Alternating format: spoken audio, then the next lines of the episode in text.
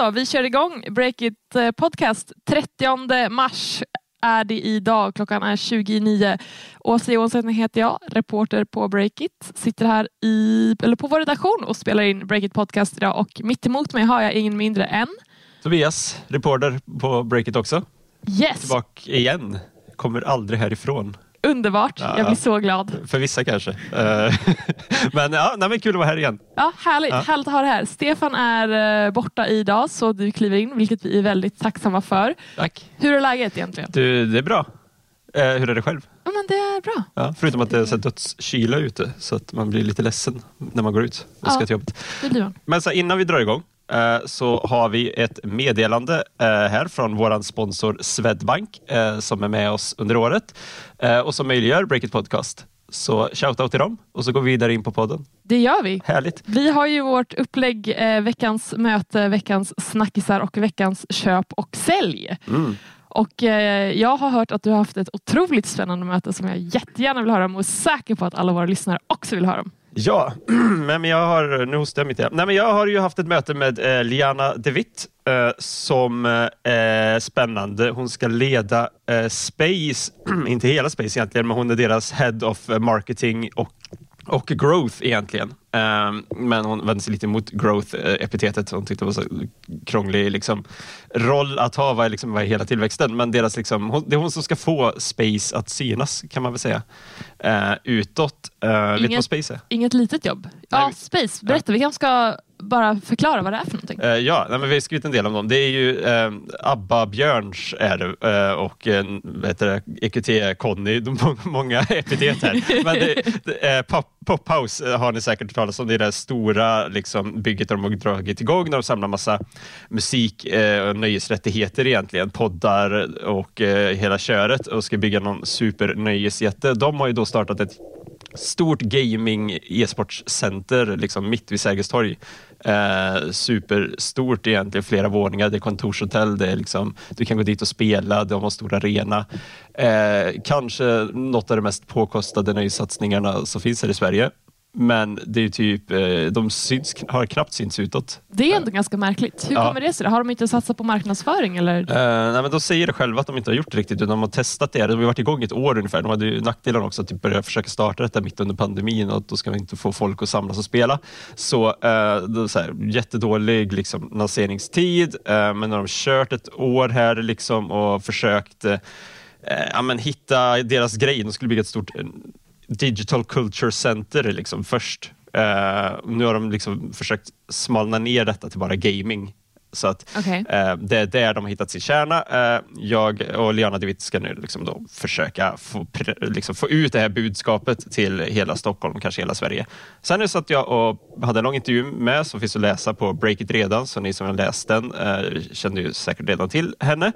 Uh, nej men det var kul. Uh, hon kommer ju från en, uh, inte en gamingbakgrund egentligen, men hon har kommer från techbakgrund, har intresserat sig för e-sport, har en släkting som är professionell e-sportare som hon liksom lärde sig följa den vägen. Liksom, att se från, okej, någon som sitter inlåst i sitt rum eh, och spelar hela tiden. Vad händer? Varför gör man det? Till hur kan eh, han börja tjäna pengar på detta? Till liksom åka på en stor e-sportsturnering i Singapore tror jag det var och liksom se hur enormt eh, gaming kan vara liksom, och, Ja. och komma in på det, på det på den banan. Um, så det var en intressant väg in. Um, jag tycker det ska bli väldigt intressant att följa vad de lyckas göra med Space, för att som sagt det är en jättesatsning. Det är liksom på mest centrala, kanske bästa läget i Stockholm att ha det på. Eh, kostar därefter också, så de måste ju liksom få det här att flyga nu och lyckas få besökare. Eh, och det kommer vi nog börja följa snart, kanske redan eh, lite extra nu Eh, ja, men om jag drar igång en e-sportskartläggning som jag har pratat om att jag ska göra och som jag gör varje år. Det börjar bli dags för den nu. Ja. Vi ska se. Vi fick inte några nya siffror liksom, på hur det går finansiellt för dem. Det är det jag ska försöka jaga rätt på nu, tänker jag. Spännande. Då eh, inväntar vi vad du har att rapportera. Då. Men eh, nice möte. Ja. Eh, du, har mött, du har också mött spännande människor. Det har jag gjort. Ehm, ett av dem, det var ett telefonmöte visserligen, men det är såklart helt okej. Var med en person som heter Johan Primer. Och han är vd och medgrundare av ett bolag som heter Inside the Box. Har du hört talas om dem? Eh, nej, det har jag inte gjort. Så det här är ett bolag som har utvecklat digitala lås som installeras på brevlådor, alltså helt vanliga brevlådor. Och tanken med det är att när man beställer någonting via e-handel, köper något online, så ska ett bud kunna åka till din brevlåda, låsa upp den med det här digitala låset och lägga in paketet så att du har det där. Så att du behöver inte hämta den hos något ombud, den behöver inte ligga i någon budbox, du behöver inte vara hemma när det här budet kommer och om du inte är det riskerar så att det här paketet läggs utanför din dörr exempelvis. Och Det här ska också funka andra vägen så att du ska kunna göra vad heter det, returer. Så du ska kunna lämna ditt, ja, varan du, inte, som, varan du har skickat efter som du inte vill ha i din brevlåda och sen ska den bara plockas upp. Jätteenkelt. Och nyheten med det här var nu att det här bolaget, de eh, såg vi på Bolagsverket, att de tar in 7,5 miljoner i nyemission. Och tidigare har de tagit in 10 miljoner. Eh, så det är ju spännande att det här bolaget eh, tickar på framåt. Men egentligen så skulle de ha tagit in några miljoner eh, mindre än vad de gjorde och det tolkar det här bolaget som att de är något på spåret i och med att de fick in mer pengar än vad de sökte i de här eh, ja, dåliga ekonomiska tiderna får man väl ändå kalla det. Två frågor där. Mm. Nej men så här, vad, där man bor i en större stad, typ eh, medelstor stad, sånt, då känns det som att man har postboxar, med Instabox och Budbees och e-boxen och Postnord-kedjaboxar, alltså mm. runt hörnet typ i princip vart man än bor i en stad. Eh, så hur långt har man egentligen att gå för att ta sig och hämta sitt paket i en låda redan idag? Ja, ja men exakt, det är jättebra fråga. För, alltså, på ett sätt så är det här lite toppen av lathet, som du säger. Om du har 50 meter eller 100 meter att gå till närmaste ombud exempelvis, eller box där paketet ligger. Det är inte så himla jobbigt. Nej, jag kan tänka mig att det är några som det är ju såklart är väldigt bra för, för som inte går så långt, men jag, vet hur jag, jag tänker att hur stor är den marknaden är. Eller så här, vi är ju säkert jättelata som människor, så det finns uh, allt som kommer närmare är väl bra och det kan vara mycket smidigt. Jag, jag har lite... Du låter kritisk.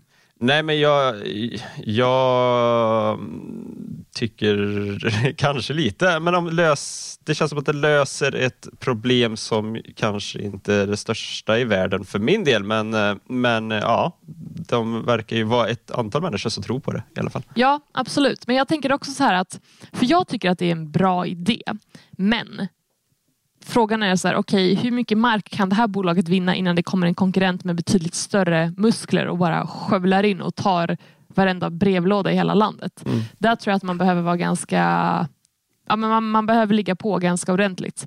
Eh, så att, ja, vi får se helt enkelt mm. vad som händer. Ja, men den, installeras, den installeras på lådorna i huset. Jag, jag frågar om detta. Alltså på, jag vet inte, om man bor i, ett, om man bor i ett hus eller på postlåda, det känns ju jättejobbigt att behöva låsa upp sin postlåda. Nu kommer jag från landet i och för sig, där jag inte är rädd för att något ska bli stulet, men eh, det låter ju jättejobbigt. Alltså det ska, om jag har förstått rätt så ska de här låsen då installeras på en så klassisk brevlåda. Så om du har liksom en brevlåda, alltså en, en ett brevinkast i din dörr, mm. då funkar det ju inte. Nej, det... Då kan du lika gärna ge dem nyckeln till din bostad liksom, och det kanske man inte vill. Eh, och samma sak så här för där jag bor, så här, sån här, vi har inga eh, brevinkast i dörren, men vi har liksom nere vid entrén har vi liksom små boxar. boxar som, ja, men de är ju alltså väldigt, väldigt små. Mm. Så där kanske, där vet jag inte om det skulle funka, men i sådana fall så är det ju för väldigt små paket, typ att man beställer en bok eller någonting. Ja men precis. En ganska tunn bok. Och, och för bostadsrätter då, om de inte gör avtal med hyresrätter också, det vet jag inte. Eller? Ja, precis, Nej, men, exakt. Skulle bolag göra det, då kanske man skulle ha så här, fast då tar man det verkligen steget längre om mm. man bara ska liksom, göra om alla brevlådor bara för att man ska kunna liksom, få hem grejer i brevlådan utan att behöva tänka på att gå till ett ombud. Det låter som ett betydligt större projekt. Ja. Men, men samtidigt så är det så här, alltså det finns säkert de som inte handlar på e-handel bara för att det är nej men lite mäckigt typ just med leveranser och returer. Så ja. det här kanske skulle få in fler men samtidigt, ja, det, det känns lite så trial and error. Så Ja, vi får se helt enkelt. Mm. Det var inte det största eh, problemet som jag vill ha löst hemma, men det brukar ju... Det, så är det med många saker, tänker jag. Att man eh, gillar det när man har det, men man ser det inte som ett problem innan någon har eh, gjort det. Ja, men exakt. Du, ska vi gå över till våra snackisar? Ja, eh, men du, eh, jag ska flagga för en till sak bara. Ja. Eh, vi har ju ett event som kommer upp här på Breakit, Talent plus Culture, eh, 24 maj på Epicenter. Eh, och det ska vi diskutera massor av spännande saker, bland annat hur man hittar och attraherar morgondagens talanger och eh, mångfald, inkludering och objektivitet. Eh, liksom så lyckas du med alla de här sakerna. Det ska vi ha på ett stort event här snart. Så jag vill bara lyfta det här, flagga för det. Gå in på Breakit och kolla upp det eventet om ni är intresserade. Yes! Men vi ska snacka snackisar nu Nu är det snackisar. och du går först. Jag går först. Okej.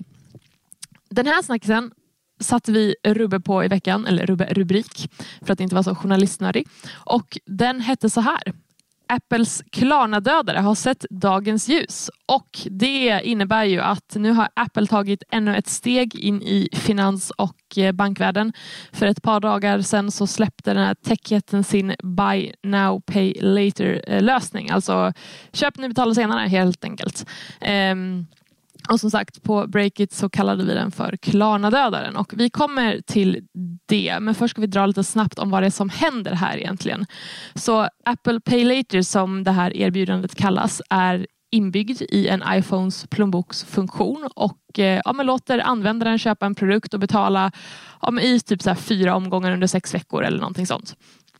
Eh, och det är räntefria lån upp till mellan 50 till 1000 dollar.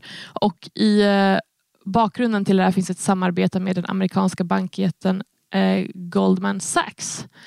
Så det här är alltså nu på G. Apple kommer inledningsvis att erbjuda vissa kunder att använda en förhandsversion av den här betala senare-lösningen. Men planen är då att ja, lämpliga kunder ska få tillgång till tjänsten under de kommande månaderna. Eh, låter ju så stora steg framåt för Apple. Eh, men vad betyder det här för eh, Klarna? De får ju en eh, ganska stor konkurrent här, får man säga, om sett till totala storleken på vad Apple är. Ja men verkligen. Eh, när Apple bekräftade de här planerna på en sån här lösning så twittrade faktiskt Klarnas VD och grundare Sebastian Sematkowski att det innebar en stor seger för konsumenter i hela världen och att eh, plagiat är, det, är den finaste formen av komplimang man kan få. Eh, och det här var under under sommaren förra året så att det kan man ju tolka lite hur man vill. Om man kallar det för ett plagiat så känns det ju ändå som att ja, det här är en, lite av en utmanare, helt klart. Särskilt som du säger, de har ju rätt rejäla muskler den här Apple. Um, och kan vi tillägga det också att i början av året i år så berättade Klarna att USA hade gått om Tyskland som bolagets största marknad mätt i intäkter. Och samtidigt så är det att cirka 50 procent av alla smartphones i USA är en iPhone. Så då är det så här, okej, okay, kommer användare att välja Klarna när det redan finns en sån här betallösning inbyggd i iPhones plånboksfunktion? Det, jag vet inte, det kanske är för tidigt att säga. Vad, vad tror du? Jag har lite svårt där. Jag, jag är ju en Android-användare själv, så jag använder, jag har ju Google Pay för sig, men jag använder aldrig Apple Pay. Men jag har ju förstått att Apple Pay faktiskt ändå är enormt smidigt och enormt stort av folk som använder det. Ja. Eh, så att jag tror mm, absolut att det är, blir ett ganska stort hot att ta hand om på något sätt eh, för Klarna. Eh, och framförallt om den här eh, utvecklingen skulle börja sprida sig även till eh, Google och Android-användare. Liksom, för de vill ju säkert ha ett svar i sitt Google Pay, tänker jag, Mm. på Apple. Så att, um, går den utvecklingen ditåt så skulle det kunna vara... Men har, är det, kommer, kommer Apple-versionen att lanseras globalt eller var det bara i USA? Eller hur vet vi vart den lanseras nu? Dunkar de ut den överallt direkt? Först är det USA om jag har förstått det rätt. Ja, då får man lite tid på sig. Och så. Ja. Nej, men, ja, mm, det blir en stark konkurrent, säger vi väl då, tror jag. Men det känns ändå som att så här, äh, alltså varför skulle Apple nöja sig med att endast ha den här funktionen i USA? Visst, det är en brutalt stor de kommer ju- marknad, de men ju de finns ju överallt. Så då tänker jag att Men vad, eh, det är en lite kul sak. Jag såg att vi, vi la ut det här på Facebook, eh, som vi gör med alla våra nyheter på Breakits Facebook-sida. Mm. Jag har shoutout till det, det kan ni också kolla in här. Jag gör mycket egen reklam nu. Men eh, där kommenterade ju faktiskt Fredrik Hjelm, Voi-grundaren, Voi-vdn, på, på vår nyhet. Han skrev ju att Klarna har varit utsatt eh, för minst tio sådana så kallade dödare från bolag av olika typer eh, sedan de grundades eh, och att de kommer klara den här också. Och hans resonemang det var att Apples bästa personer, de kommer inte jobba med den här lösningen, men det är ju Klarna. Det är ju, hel, det är ju hela Klarnas ja. grej. Liksom. De, de satsar ju på detta. Mm. Så, och det har den ju en poäng i. Ett, Apple gör ju så otroligt, otroligt mycket just nu och blir bara bredare och bredare de också. Ja. Eh, liksom, de kör ju egen streaming med Apple TV och allting. Så, så att, mm, de eh, får se hur mycket kraft och energi de lägger på detta. De bara ser det som en liten trevlig funktion som de kan bjuda användarna på och så kanske de inte gör så mycket mer med det. Mm, good point. Mm. Alltså, för jag, jag känner lite så här, typ så här, alltså vi har ju haft sen vi började använda smartphones, alltså det har varit så olika appar för olika ändamål. Men nu kommer jag tänka lite så den här WeChat eh, som är gigantisk i Kina. I den kan du beställa mat, taxiresor, handla med aktier, chatta. Alltså, du har, det är ju liksom en superapp, verkligen så att säga. Eh, och det har ju nästan blivit mer än bara en app. Det är liksom, jag vill inte säga att man är beroende av den, men alltså, vanans makt är ju väldigt eh, stor och stark. Och har du liksom allt du behöver för att liksom få ihop ditt livspussel i en app så ja, man blir väl ganska attached till den ganska snabbt. Och då tänker jag så här, är Apple på G att göra samma sak nu?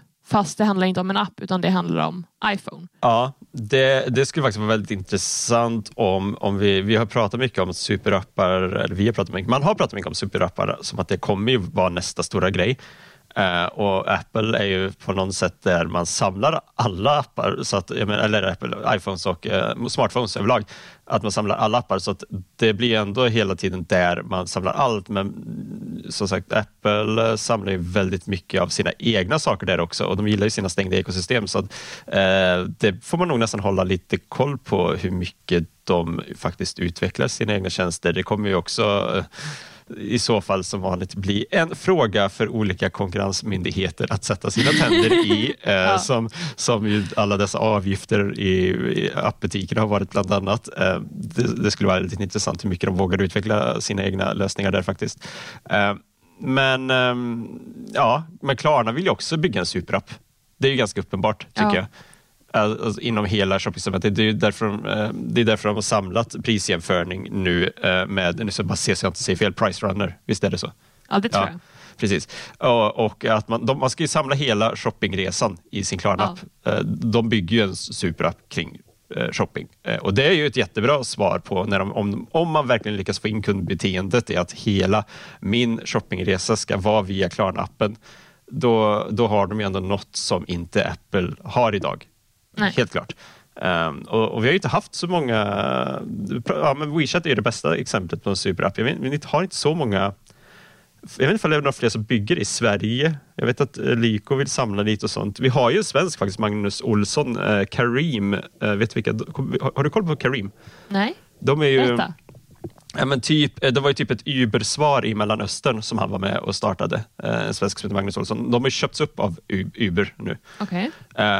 I, och, eh, och är kvar där, men de är ju som en sån superapp eh, på flera olika länder i Mellanösternmarknaden. Där, där du kan, alltså, det började som en taxiapp, men nu kan du beställa mat och du kan eh, städ och massa grejer. Så då, han, eh, han kanske, jag vet inte, han kanske jag vet inte ifall, jag vet inte ifall byggandet av superappen började med Magnus Olsson, eller det har kommit senare. Men jag vet att det är en sån superapp idag, så att han på något sätt ändå varit inblandad i vad som kanske är från svenskt håll den första superappen, skulle jag nog säga. Jag tycker i alla fall att det låter väldigt eh, spännande och jag måste bara, ordet superapp. Men det är ett jättekul ord. Det är ett så roligt ord! Superapp. Ja, nej, men, eh, Klarna ska göra en superapp. Eh, det är ett jättebra svar på Apple eh, och de kommer därför bara de får in beteendet att klara det. Det är min take då. Är det din take? Ja. ja jag tror faktiskt att, eh, jag skulle absolut inte säga att Klarna är nere för räkning. Nej, nej, nej. Men Apple tror jag har en gigantisk fördel just för att det här är en giant vi pratar om. De är så otroligt stora och de är omtyckta. Så jag tror att kunderna litar på dem. Jag säger inte att kunderna inte litar på Klarna, men bara det att Apple är mycket starkare i arenan helt enkelt. Ja. Man ska men... inte lita på mig, jag är en sån Android-fanboy så jag hatar ju allt som Apple gör. Så man kan inte lita på mig i, i sådana här frågor, helt klart. Jag, det, jag kan ju lika gärna flagga för det. Du avsäger dig allt ansvar. Ja, ja, men det är en ja, integritetsfråga. ska vi gå vidare till nästa snackis? Ja, och jag ska prata om retail och eh, siffror. Två spännande saker. Älskar siffror. Ja, men eh, okay, Jag vet inte om våra läsare har uppmärksammat eh, det här fenomenet, men vi har skrivit om det i någon vecka nu och vi har kallat det för babykrisen. Det låter ju väldigt dramatiskt och något som man kanske pratar om i, i, på nationsnivå snarare, att det föds för lite barn. Men det är något som faktiskt eh, e-handlare har klagat lite på också, eh, tror det eller ej. Men vi har skrivit senaste tiden egentligen om att nästan alla stora e-handlare inom barn och babyprodukter går väldigt dåligt just nu. Ponti Eh, krisar, Baby World krisar, eh, Babyshop började krisa redan i höstas. De befinner sig i rekonstruktion, alla de här eh, liksom hypade babybolagen. Sen har vi förvisso Babyland och Jolly Room, också större aktörer som går eh, väl bättre. Uh, I guess. Uh, de, bättre än så går de i alla fall. Jag, jag, har faktiskt inte koll på exakt hur bra de går, men de går bättre. Uh, men vi, jag tycker ändå att vi kan tala om en kris i den här branschen efter alla dessa rekonstruktioner vi har sett nu. Ja, verkligen. Men okej, okay, så att de säger att det föds för lite barn. Ja, det var ett, en, en, är det en anledning? En, en anledning i alla fall. Finns det några fler? ja, det finns det. det finns det, vi kan faktiskt se att hela, egentligen hela detaljhandeln går väldigt dåligt också. För eh, Statistiska centralbyrån eh, släppte ju siffror igår alltså onsdag, eh, om ni lyssnar på podden lite senare. De släppte siffror som visade att försäljningsvolymen minskade med hela 9,4 procent i februari, vilket var det största fallet sedan 1992. Oj, det är över 30 år sedan. Ja, ja, eh, och det beror ju också på att det var då som jag förstår det som att de här mätningarna startade också. Så ja. det hade kanske kunnat bli ännu större. Ja, men så här, det var ett historiskt fall, ja. nedgång liksom i, i, i försäljningsvolym. Uh, och Det säger ju en hel del. De siffrorna omfattar ju både e-handel och fysiska butiker. ska vi säga då. Men, så, så då kommer någon uh, chef ovanför mig och Åsa säga här, men få in lite mer specifikt om e-handel också, så blir det lite mer break-it. Och visst, det gör vi nu då, så det kommer här. Låt höra. Ja, ja, men e det, det där är ju e-handel och butik, men vi måste fokusera lite mer på e-handel. Det blir lite mer break-it, lite mer tech, eh, internet. Uh, sånt där. Omsättningen i e-handel i Sverige i alla fall, den växte faktiskt lite i februari, då pratar jag omsättning nu, inte försäljningsvolym, i år jämfört med förra året enligt Svensk Handels e-handelsindikator den, så växte den med 4% men det var också från väldigt låga nivåer. Så jämfört med 2021 så har faktiskt omsättningen i februari också minskat med 13 procent, ska vi säga. Och, och, då kanske det var höga nivåer i och för sig för att uh, mitt i pandemi och så där mycket i handel. Ja. Uh, men um, den, uh, de siffrorna är heller inte inflationsjusterade. Jag kommer inte gå in på exakta siffror, men man tror i alla fall då från Svenskt Handels håll att eh, om vi då igen pratar de här eh, eh, försäljningsvolymerna så minskade nog antagligen i handeln även eh, jämfört med förra året i februari. Så eh, för att sammanfatta det, det är tufft nu, inte bara för babykrisen, även om det är intressant att så många aktörer där nu direkt ungefär samtidigt så här, börjat utmärka sig. Så vi börjar intressera oss, okay, vad, vad händer här? Varför mm. går det men, så dåligt i babybranschen? Kan jag sticka in med en fråga där? Ja, men gör verkligen det. För man kan man lite så här, nu har jag inga barn själv. Nej. Men eh, alltså, små barn, det här har jag i alla fall koll på, växer ju något otroligt snabbt. Så då kanske man tänker så här, varför ska jag köpa nya kläder till mitt söta lilla barn här när det är så kärva tider. Då kanske man köper begagnat istället exempelvis för att ja, kan det vara en anledning? Det kan det nog kanske vara. Vi har ju pratat här om att det har varit eh, svårt för utmanande startups inom eh, begagnat mode och eh, inom hyrkläder och sånt att växa. Det här kanske... Men det har ändå varit för vuxna. Ja, ja, men, ja och då tänker man liksom för men man kanske, det är ingen som satsar på Det kanske inte är någon som satsar på Jo, men det finns ju... Hur går det för de här då? Finns... Uh, vi, vi vid, jag ja. ska inte sitta och fundera för mycket här, för det blir en jättetråkig podd. Men, jo, men absolut. Jag tror att man kan börja hyra, eller?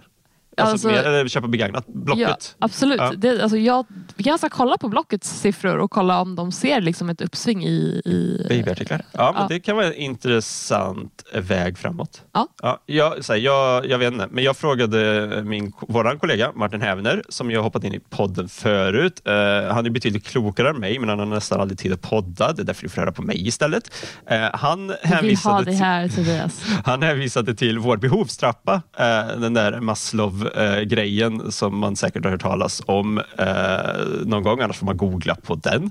Eh, men eh, lite mer anpassat för e-handel, då, den handlar om våra behov, liksom, att vi, ja. Ja, våra basala behov som människor och så uppåt, uppåt liksom, vad vi behöver för att vara nöjda. Eh, han tror i alla fall, då, lite mer anpassat för handeln och shopping här, att uh, typ alla kommer att, eh, ju nu med tanke på hur tiderna det är, kanske ta ett kliv neråt på sin behovstrappa och se liksom, egentligen vad är det vi behöver för att vara lyckliga? Eh, och det kommer att påverka egentligen alla lite dyrare segment och då kan man ju prata om att barnkläder överlag blir då väldigt dyrt, eller barnprylar. Jag har inte heller barn, men som sagt de växer ju Ja. jättemycket. Det ser man varje gång man kommer att se syster, eh, syster, mina, vad heter det? Sy- sy- Systerbarn? Systers barn, systerbarn, ja, Ja. precis. De, de, är- de är alltid växt eh, och behöver alltid nya kläder. Jättejobbigt. Eh, så det, det påverkas ju säkert hela segmentet. Eh, seriös analys av mig här, men eh, så tror jag. Eh, och Det är det Martin är inne på också, men framförallt då kanske de lite mer, inte de jätteexklusiva segmenten för att eh, de som handlar där har pengar ändå, de, de kommer fortsätta shoppa. Men alla liksom, lite dyrare segmenten, de kommer vi nog försöka hitta substitut till. Liksom. Att eh, man kollar efter Valio istället för Bregott drog han som exempel. Ja. Eh, jag, jag är uppvuxen på Lätta, liksom, så det är min go-to. Men, eh, men, men de billigare alternativen där det finns. Eh, så det här kommer då slutsatsen att slå brett, tror Martin nu. Vi har bara sett början på detta. Babykrisen inleder den större nedgången. Då. Jag, jag vet inte om jag drog det längre än vad Martin tänkte nu, men jag tror det. Alltså det, det, det kommer slå brett. Alltså, Ja. det, det är inte bara en babykris vi pratar om. Nej. Vi har uppmärksammat babykrisen, men det kommer att bli många små kriser runt om här. Ja. Så eh, e-handel alltså, är det just det? E-handel och detaljhandel. Vi, Den har, ju varit, den har ju haft det lite kämpigt i handeln ett tag Den också. Ja, men, ja, men ekonomin ser ut som den gör. Ha- Och då har man inte heller några behov av de här eh, brevlådorna med smarta lås. Nej, det har du ju helt rätt i. Det var ju synd Ja. för eh, Inceptions, tror jag. Ja. Men de kanske har Ja. tid på sig. De har ju fått in pengar. De har tid på sig att eh, vänta ut den här stormen i så fall. Kanske. Alltså bättre tider kommer ju att komma. När det blir vet vi ju inte, men någon gång ska ju solen skina igen. Ja, Eller hur? om man var positivt av dig. It's better. Ja. Annars blir det ju bara kaos. Men ska vi gå in på något som gör mig glad istället då? Ja men vi, låt höra. vi, vi lämnar det och så går vi in på köp och sälj. Jajamensan. Mm, Jag, jag ska försöka köpa och sälja exakt samma sak. Eh, inte i samma som vi pratar om nu, men jag har, mitt köp och min sälj är samma sak. Ja, men det här blir intressant. Får jag höra? Ja. Nej, men, eh, ingen har missat det här. Detta underbara verktyget som är ChatGPT. Eh, jag har ju fått Breakit att betala för Pro-versionen åt mig för att jag ska få leka fritt här med ChatGPT på arbetstid. Lyx. Ja, det, jag är så glad. Eh, det har ju pratats jättemycket om AI i allmänhet, men kanske ChatGPT i synnerhet nu sen OpenAI släppte sitt verktyg fritt egentligen för alla att leka och testa. Eh, LinkedIn är fyllt av exempel på hur fantastiskt ChatGPT är och jag är liksom nästan beredd att hålla med fullt ut nu efter att ha suttit och testat detta. Har, har, du, har du lekt någonting med ChatGPT? Alltså lite grann, eh, men det gjorde jag i december. Jag försökte få den att skriva julklappsrim, men där levererar den inte. Men Varför då? Alltså, jag tänkte säga, det kanske skulle testas på engelska istället, för jag körde bara på svenska. Så att, nej men jag, Jag, tror alltså, att, ja. jag tror att just rim är något som den har haft väldigt svårt med på svenska. Det är en sån grej man har hört, att den är jättedålig på att rimma på svenska. Alltså för det var det första jag tänkte på, för jag är sämst på att rimma. Så jag tänkte nu har jag ett verktyg som kan rimma och så blev jag högst besviken. Men i alla fall, utöver det så är jag mäkta imponerad av den här. Jag är också ganska skraj för att jag känner att ja, kommer den här ta våra jobb nu? Eller jag tror inte det. Alltså att skriva raka texter, ja, men den kan ju inte intervjua folk. Den kan ju inte, alltså du förstår vad jag menar. Nej, inte än. Ehm, det kommer. inte än, exakt. Nej, men jag ser det som ett jätteeffektivt arbetsverktyg just nu. Eh, Jag, liksom, jag fattar typ inte varför vi ska sitta och skriva sådana, writa nyheter som man gör när man hittar nyheter som är jättebra hos något, eh, någon konkurrent och sen så vill vi också ha den och så skriver man ju en liten kort version av den och kör ut och hänvisar till vilka som hade nyheter först. Exakt. Det gör man ju över hela medievärlden. Ja. Eh, och, och, och det, alltså, ChatGPT är ju jättebra på att skriva snabba, enkla, raka saker och sånt. Och den är jättebra på att korra texter och på att skriva rubrik. Alltså, den effektiviserar ju otroligt mycket. Den gör ju mig bättre, skulle jag säga, eh, på, på, på ganska goda grunder. Eh, och Ja, typ Omni borde ju antingen dregla eller darra när de ser vad ChatGPT gör just nu. Typ så tänker jag. Eh, beroende på hur de är lagda. Eh, men eh, de kanske är pigga också. Det finns säkert en anställd eller två på Omni som, som darrar om inte annat. Eh, ledningen dreglar nog. Men eh, men jag har använt den för massa saker som jag säger och uh, är kanske inte så uh, rädd för jobbet själv där. Det kanske jag får rätta upp här om några år. Då får du ställa mig till svars. Ja, det ska jag göra. Jag kommer komma ihåg det. Ja. Men sen, sen är ja, det är sån otrolig, alltså hela mailkorgen svämmar över av AI-bolag som mm. jobbar med AI just nu. Så jag tror också så här, ett, vi kommer säkert, det var mitt köp då. ChatGPT, jättebra verktyg. Mm. Sen finns det lite säljdelar här. Jag är rätt säker på att vi kommer se någon form av bubbla i den här branschen framöver. Vi får se lite nu hur riskkapitalet kommer flöda in i de här bolagen. Men eh, det är ett modeord. Det är jättemånga som lyfter fram det. Eh, och, eh, det är alltid så. När något blir ett, hype, ett hypat modord, då kommer riskkapitalet ja. oftast att flöda in dit. Det har vi sett om och om, om igen. Och, och, så tror jag inte att alla riktigt kommer kunna leva upp till den hypen. Men vad, vad är din sälj i det hela? Min sälj är ett, eh, det kommer bli något av en bubbelvarning och två, eh, det kommer ju faktiskt, eh, det ska ju heller inte förringa oron som finns på flera olika håll. Konstnärer, författare, andra kreativa människor som har frågat om hur deras verk kommer att användas. Upphovsrättsfrågan, det kommer att vara gigantisk rätta och vi har inte någon lösning riktigt än. Nej. Och det är inte det enda vi inte har lösningar på. Eh, igår kom ju ett öppet brev från otroligt tunga namn eh, som Elon Musk och Steve Wozniak eh, och Max Tegemark, svenska amerikanska forskaren. Massa ja. eh, kunniga inom AI som har skrivit ett öppet brev där man egentligen ber hela AI-labbsbranschen att bara säga stopp, ja. pausa i sex månader se över vad ni gör. Vi måste hitta, vi måste sätta in regleringar och säkerhetsprotokoll. Vi måste liksom så här, okay, för att de är rädda för att det blir ett kapplöpning egentligen i AI just nu. Ja. Där alla ska överträffa varandra mm. med den mest avancerade eh, AI-strukturen egentligen. Och de blev väldigt oroliga här för att nu börjar vi närma oss en punkt eh, där AI är så avancerad att den kan göra verklig skada i samhället liksom, om den används fel. Så där har man ju, den oron eh, ska man verkligen inte sopa under mattan. Liksom, att vi måste ha ett sätt att hantera den här utvecklingen som sker nu, den enorma liksom, makt och potential som finns i AI-tekniken och som hela tiden blir mer avancerad. Så de vill bara pausa allt sex månader, hitta säkerhetsstandarder, förhindra samhällsskada. Jag tror Max Tegmark var väl till och med väldigt dramatisk när han uttryckte det som att det var ett självmordsrally snarare än ett, eh, ett eh, AI-rally där mänskligheten kan tappa kontrollen av sitt eget öde. Det var otroligt domedagsfyllt måste jag säga. Men, ja. Eh, men jag håller med att vi springer väldigt snabbt nu det, och regleringar behövs faktiskt, skulle jag säga, eh, men, inom många delar av techbranschen. Men det är, alltså, för att vara djävulens advokat, då, såg man inte det här komma ändå? Så är det här alltså med, alltid med nya saker när ja. det blir hypat. Det är mängder av mindre och större aktörer som ska utveckla någonting så snabbt som möjligt, så bra som möjligt och så vidare. och så vidare. Få ut det på marknaden. Eh, men att det sen blir så här, okej okay, vänta vad, vad gör vi? Finns det liksom regleringar för det här och så vidare. Ja, men det, det känns som techbranschen i ett nötskal. Uh, vi, ja. vi, springer lite snabbt ibland uh, och sen så måste man uh, försöka hantera det. Men här då kanske det är extra viktigt att hantera det här innan vi har sprungit för långt och, och ska försöka hitta regleringarna sedan. Och människan förgör sig själv. Så, så mitt sälj, det är, jag säger lite emot mig själv här då, men mitt sälj blir mitt sälj blir eh, AI-regleringar och mitt köp blir, det kommer ändå, det är ingen fara för, alltså, för personer som nu vill testa ChatGPT. Det är inte det man varnar för här, utan det är den här kapplöpningen. Liksom. Mm. Använd det, det är ett fantastiskt verktyg. Eh, AI, den med allt avancerade AI-tekniken kommer göra massa bra saker. Det är bara riskerna. Så här, sälj hur har riskerna hanterats än så länge.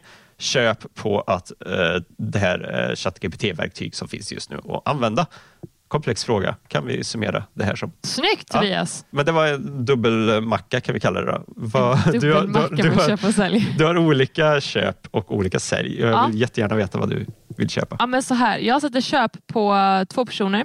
Cecilia Blankens och Lina Thomsgård. Och varför gör jag det? Jo, för att det här då sko och väskvarumärket Blankens har växt eh, riktigt snabbt ordentligt sedan de drog igång för, vad var det, 2014. Och Det är då influensen Cecilia Blankens eh, som ligger bakom det här. Eh, och Hon har varit eh, 100% ägare av varumärket men nu tar hon in en delägare. Alltså då den här kulturprofilen får man väl kalla henne, eh, Lina Thomsgård. Eh, för den bredare eh, massan eh, är hon känd som att ja, men hon har medverkat till program som På spåret exempelvis men hon har också varit eh, programledare, författare och så vidare. Och eh, ja, Uppenbarligen så är hon ju imponerad av det här bolaget i och med att hon kliver in som delägare. Vet dock inte hur mycket hon köper in sig med. Eh, men någonting som hon sa i en Breakit-artikel här var att vi alla känner till problemet kring hur lite kvinnor äger i näringslivet så hon vill gå in med kapital och kunskap. Vilket jag tyckte var riktigt härligt att höra. Så att det handlade inte endast om business här, tolkar jag det som. Eh, så köp på dem. Och jo, vi kan slänga in lite siffror här också. Att, eh, från bokslutet då för 2022 för Blankens så eh, visade att intäkterna ökade från 10,9 miljoner kronor till 14,1 miljoner och rörelseresultatet landade på nästan samma som året innan, runt 1,2 miljoner kronor. Stadig tillväxt låter det som ändå. Eh. Så köp på dem. Och sen så har vi en veckans sälj som vi har snackat en hel del om på redaktionen. Och jag sätter sälj på Tomai Sangshi och han nämnde i om det var förra veckan eller veckan innan i våran podcast här. Han är ju VD för smyckesbolaget Annie som är grundat av Lovisa Vorge och Bianca Ingrosso.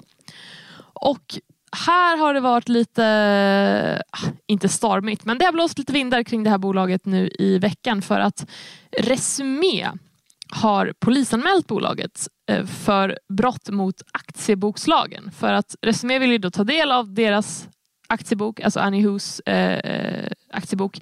Men bolaget sa nej. Och anledningen var då, vilket eh, Tomai sa då, eh, var att de inte ville lämna ut aktieboken på grund av interna policy, sekretesskrav eh, och skyddet av personlig information. Därför vill de inte dela aktieboken med externa parter, inte minst när avsikten är att publicera information till allmänheten.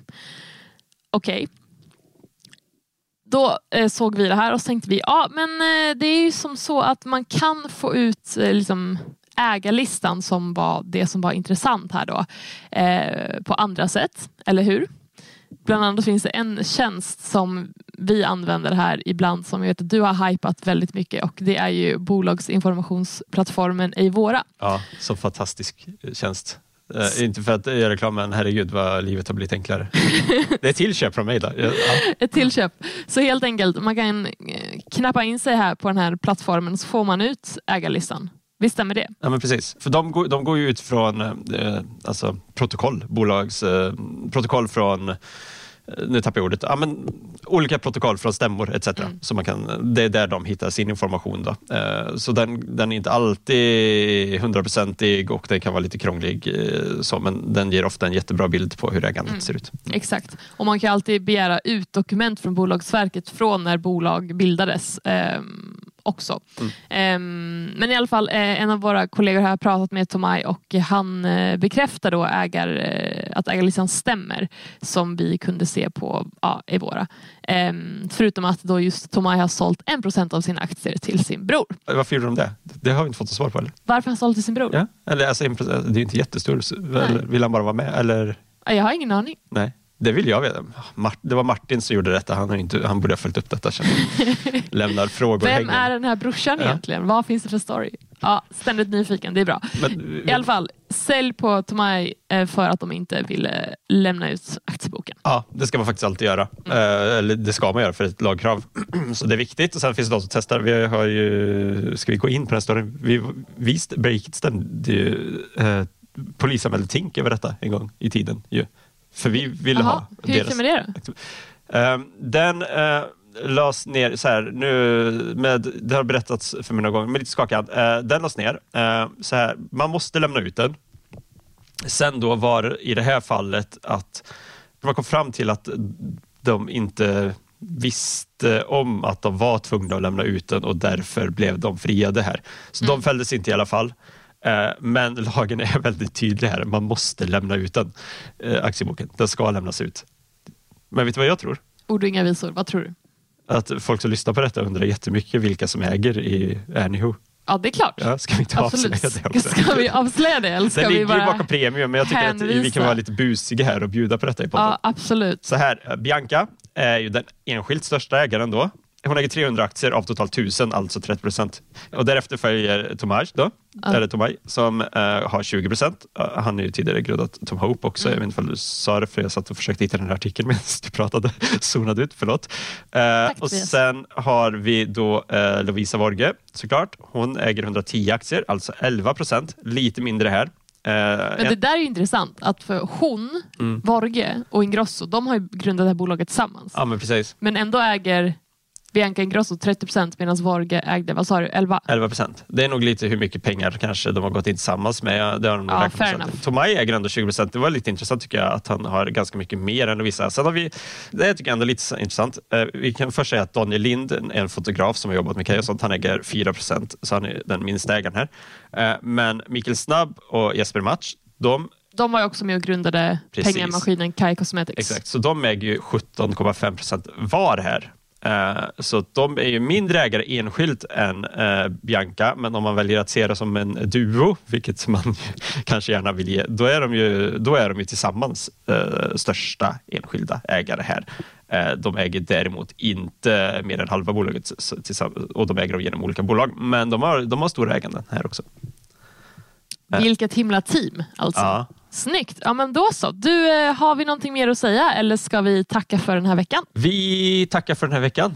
Kul att bli insläppt igen. Uh, alltid kul att få podda med proffs som dig och uh, så får vi se ifall jag blir insläpad igen här när det krisar framöver. Det blir du garanterat. Så kul att du är med. Eh, ni som lyssnar, tack för att ni är med oss. Eh, har ni inspel på vad som helst egentligen, högt som lågt, så hör jättegärna av er till podcast.breakt.se eller ni når mig direkt på asa.breakt.se eller dig Tobias på. Tobias.blixt.breakit.se Ja, så nu är det bara att ni hör av er så får vi eh, tacka för nu helt enkelt. Det får jag göra. Ha det gott! Tack, tack.